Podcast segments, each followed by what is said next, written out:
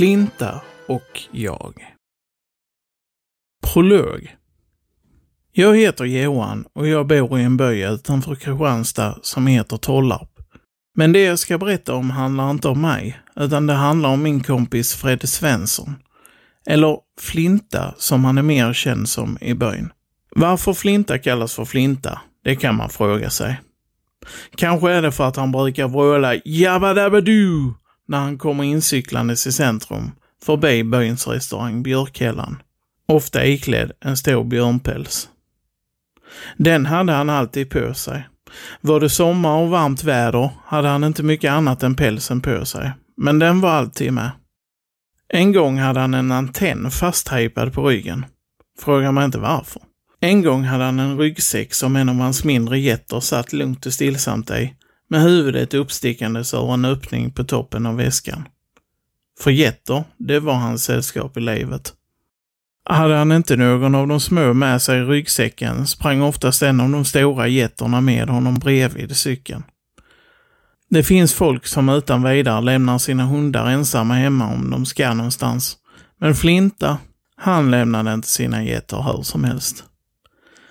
Första gången jag såg Flinta stod jag i kassan på BGs, alltså affären i byn. Eller ja, stod gjorde jag inte. Jag satt upphoppad på bänken där man kunde slå in presenter och rulla mig en chokladcigarett. Har man rullar en chokladcigarett, det får jag berätta en annan gång. Men det är mer harmlöst än det låter. Det var en ganska liten affär, så man kunde se ganska bra över hela affären. Särskilt från bänken där jag satt. Anita satt i kassa 1 och butikschefen och ägaren Rune satt i kassa två när Flinta traskade in. Rune såg honom direkt.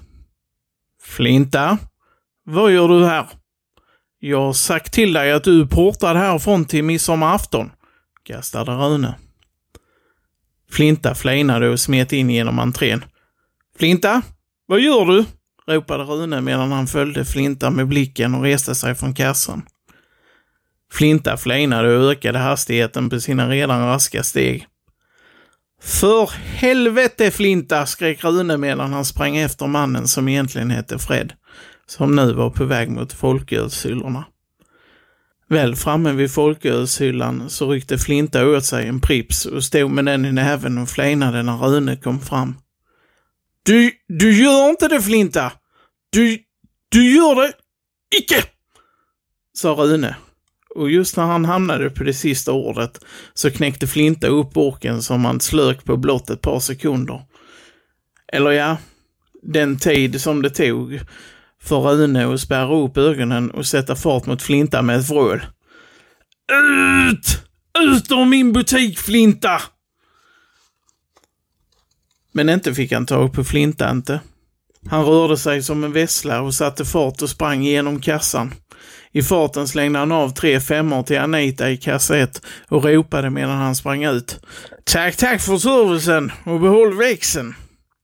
Trots allt så tyckte alla, såväl bybor som butikshandlare Rune, att Flinta var ändå oförarglig. Händelsen jag precis berättade om är ett bra exempel.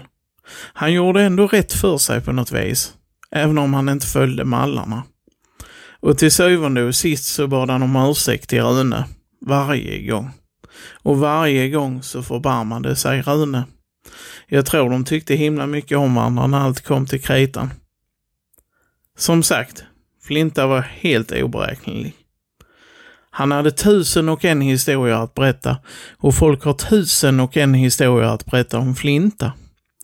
Det är svårt att hålla ordning på vad som är sant och vad som inte är sant. Men någon sa en gång att en historia behöver inte vara sann för att vara bra, så länge den är sannolik. Därför är det kanske på sin plats med en uppmaning om att ta allting som du hör här med en rejäl skopa salt. Ja, eh, eller inte. Det finns folk som strävar hela livet efter att få bli legendariska. Men inte Flinta inte. Han bara var som han var. Och legend det var någonting som han blev på köpet.